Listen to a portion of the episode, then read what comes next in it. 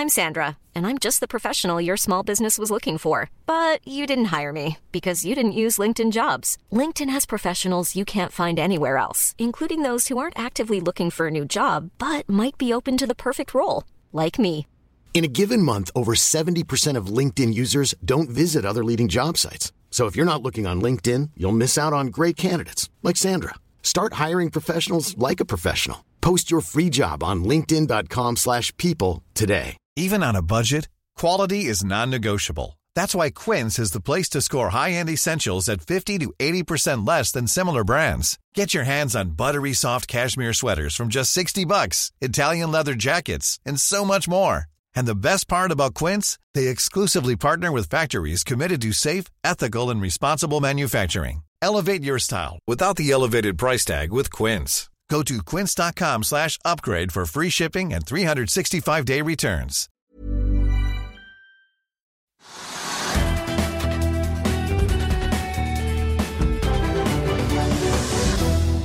Tilbake og fått med oss sjeføkonom i Danske Bank, Christian Lie. Velkommen til oss. Søndag skrev du i en kommentar på finansavisen.no at det var ingen grunn til å lempe ut aksjer i frykt for resesjon. Men det har vært veldig volatil på markedet den siste tiden. Hvorfor skal man ikke lempe ut aksjer nå? Eh, Den kommentaren eh, var jo først og fremst rettet eh, mot de som er langsiktige fondssparere. Og hensikten min med å skrive den var egentlig å peke på hvor ekstremt vanskelig det er å forutsi når de store nedturene i aksjemarkedet kommer, og også når resesjonene inntreffer.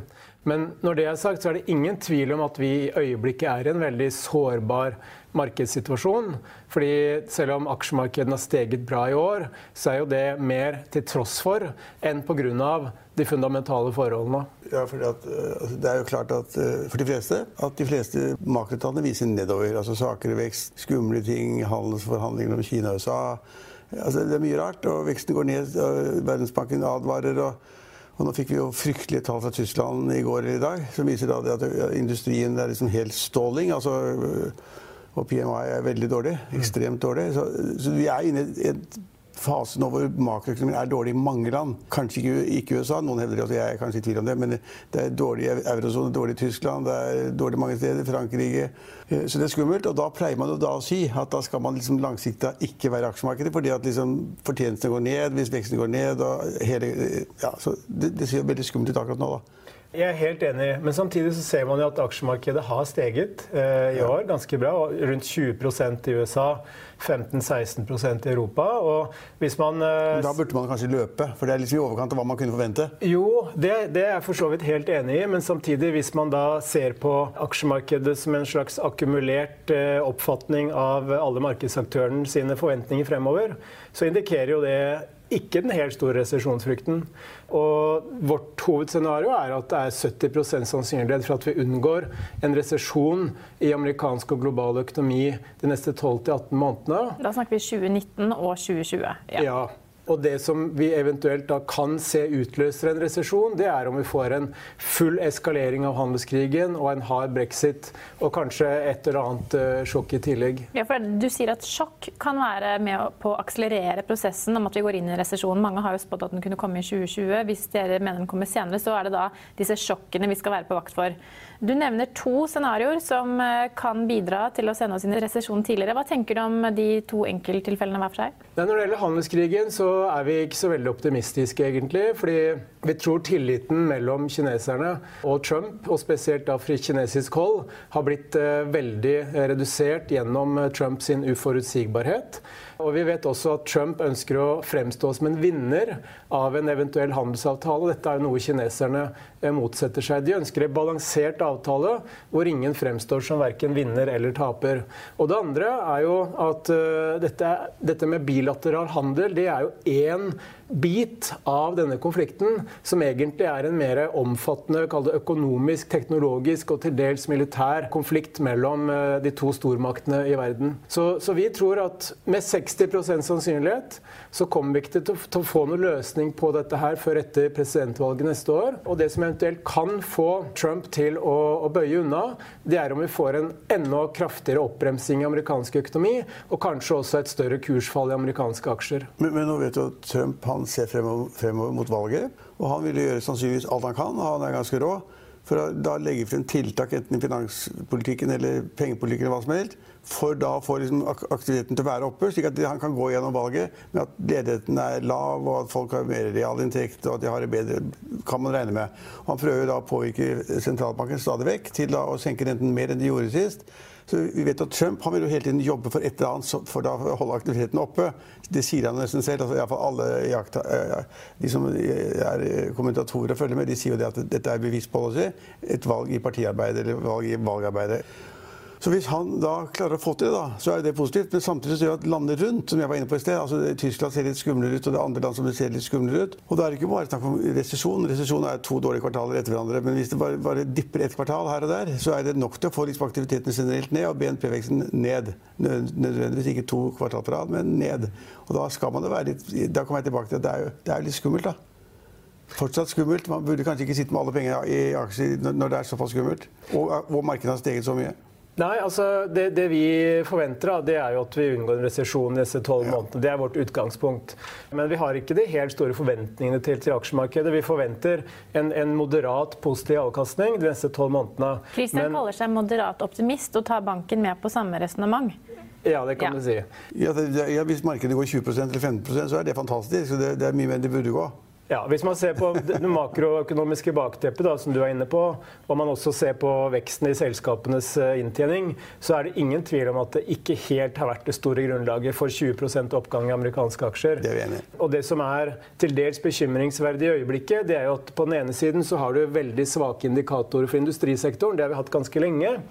Og det mange har lurt på, er jo når er det dette kommer til å smitte over til servicesektoren, som egentlig har holdt koken på, på veldig mange, i veldig mange områder. Og det ser vi nå egentlig små tegn til, at arbeidsmarkedene begynner å vise svakhetstegn. I USA, hvor disse PMI-ene som vi fikk i går, hadde den samlet sett svakeste sysselsettingskomponenten siden 2009. Vi har sett eh, flere meldinger om oppsigelser i bilsektoren i Tyskland, i Kina, og Bloomberg skriver i dag om at eh, det kommer om en Den nærmer seg 60 000 varslede oppsigelser i banksektoren globalt. Så det er klart at Vi begynner å nærme oss et punkt hvor, eh, hvor arbeidsmarkedene ikke lenger eh, er den det, bærebjelken for verdensøkonomien som vi har trodd og håpet den skulle være. Og Hvis det skjer, at denne situasjonen forverres, så, så vil vi nok kunne se en sterkere reaksjon i aksjemarkedene også. Ja, og, ja, og da, da kommer man tilbake til det vi snakker om, altså aktivallokeringen. Altså Hvis man ser det du sier, og jeg er enig i alt du sier, og det tror jeg resten av verdensøkonomer også er, så skal man, skal man i prinsippet si at det der markedet er gone for meg nå. Nå må jeg ut og sitte med pengene i cash eller i, under, under, madrassen eller noe annet en periode. Fordi er, vi, er, vi, er, vi, er, kulminert, og vi er på toppen. Ja, men, men, det som jeg tror er årsaken Hva, er vitsen sånn allokeringsmessig å gå fra si at du har en vekst i aksjemarkedet på 20 da? Hva er vitsen å fighte med pengene dine og risiko for pengene dine for å gå fra 20 til 25 eller 23? Altså Det ene er jo at alternativavkastningen i rentemarkedet Eh, ser ut til å være ekstremt lav. Ja. Og eh, det andre er jo hvis vi unngår resesjon altså Det vi skal huske på etter at vi hadde finanskrisen, så har vi hatt en rekordlang ekspansjon i amerikansk økonomi uten resesjon i perioden. Vi er inne i det ellevte året. Men den innhentingen i amerikansk økonomi etter finanskrisen har samtidig vært den svakeste innhentingen noen gang. Og da er det jo et ganske berettiget spørsmål, syns jeg. Uten en boom i økonomien med overoppheting osv. kommer vi til å få den store busten. Så kanskje vi heller får en litt sånn svak periode uten den helt store krisen i økonomien. Og da kan aksjer egentlig klare seg bra. Men vi har også andre hendelser eh, på verdenskartet hvor brexit er fortsatt uavklart. Det er mye uro og støy i Storbritannia. Hva, hva kan vi trekke ut av det som skjer der borte? Brexit er jo helt klart en eh, viktig årsak til det vi ser i, eh, i, europeisk økonomi generelt, og for så vidt også i tysk eh, økonomi. Og situasjonen er jo som du sier, helt uavklart eh, ennå. Men Boris Johnson ønsker jo å få til en avtale med, med EU. Og han har vist eh, vilje til å være, være, litt mer fleksibel i forhold til dette irske backstop-problematikken, som kanskje er det springende punktet. Men om han mot formodning skulle få til en avtale med EU, så må denne avtalen fortsatt ratifiseres eller godkjennes i det britiske parlamentet. Det er jo, som vi vet, eh, ikke en enkel sak. Og skulle man da stå uten en godkjent avtale 31.10, så er det jo en no deal brexit det som er den default eller standardløsningen. Men ringvirkningene av en no deal brexit, det er vel ingen som har forstått hvor store de kan bli? Nei, det er jo som vi sier på Hamar, der jeg kommer fra, uncharted territory. Dette er jo noe vi ikke har opplevd før. Og um, sannsynligvis så, så, vil dette gi store ringvirkninger til europeisk økonomi. Ikke bare tysk økonomi bilsektoren osv., men også britisk økonomi, og kanskje også verdensøkonomien. Fordi dette vil kunne være et sånn sjokk som skaper en ytterligere marginal risikofaktor, som gjør at uh, risikoviljen i finansmarkedene også dempes. Men er det også slik at uh, når alle venter veldig fælt, så blir det kanskje ikke så ille likevel. Og så er det kanskje diskontert i kursene, diskontert i varestrømmene, diskontert i lageroppbygging. Kanskje det ikke blir så ille med en gang, men det kan bli ille. Men det, la, oss hoppe, eh, la oss hoppe tilbake til Norge. Altså, det ser ganske skummelt ut i mange land. Negative renter i Sverige, negative renter i Sveits, negative renter i Tyskland. Det ser skummelt ut. Og så satte Norges Bank da opp renten 25 rentepunkter til 1,5% og så var halvparten av økonomene mente at det var helt feil, og halvparten sa at nei, i og for seg ålreit, de burde egentlig satt opp mer. Hvor står du? Vi, eh, vi, trodde jo at Norges Bank kom til å sette opp eh, renten, eh, som en av få, egentlig. Og det er jo med bakgrunn i at det begynner å bli presstegn i norsk økonomi. Altså bedriftene, Hvis vi ser på regional nettverksundersøkelse fra Norges Bank, den forrige, så er det flere bedrifter som sier at det begynner å bli et problem å skaffe kvalifisert arbeidskraft. Og Det, sammen med generelt lav ledighet, har bidratt til at lønnsveksten i Norge har vært eh, god. Høyest nivå på seks år, eh, forrige, forrige tallene vi fikk. Uh, oljeinvesteringene ser ut til å være på, på, stell i år også. Så alt annet likt så tilsier norsk fastlandsøkonomi at uh, renten skal være noe høyere enn det den er i Sverige, ikke minst. Men det sa også Norges Bank og Øystein Olsen. Og så er da spørsmålet da om men Samtidig med at han sa det, så la han også en ny rentebane som viser at liksom renteøkningene vil ikke bli så sterke som man trodde før. Ute der på banen så vil du heller ikke få det samme nivået man trodde før. Så han, han sa alt det du sa, men mm. samtidig sa han at men nå kan du slappe av. Det blir ikke flere renteøkninger det kommende år eller halvannet år. Altså Rentebanen eh, priser jo inn 40 eh, sannsynlighet for at det blir en ytterligere renteheving neste ja. år.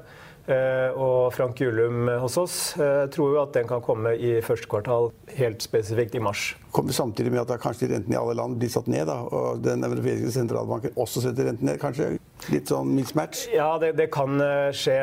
Men det som trolig vil være avgjørende frem til første kvartal neste år, er hvordan utviklingen i verdensøkonomien går, og hvordan det eventuelt da gir negative ringvirkninger til norsk økonomi. Men dere sier nå da, det, Julum sier nå da, det at man kan ikke se bort fra at renten blir satt opp en gang til i 2020? 2020.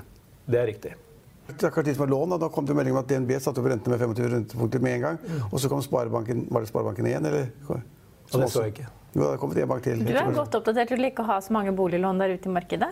Ja, ikke, du får bare løp, løp, og kjøp. Da. Løp og lån. Jo, jo, men det er to banker som har sagt at de er, øker da renten med samme antall rentepunkter som da sentralbanken. Mm, så langt. Tusen takk for at du kunne være gjest hos oss i dag.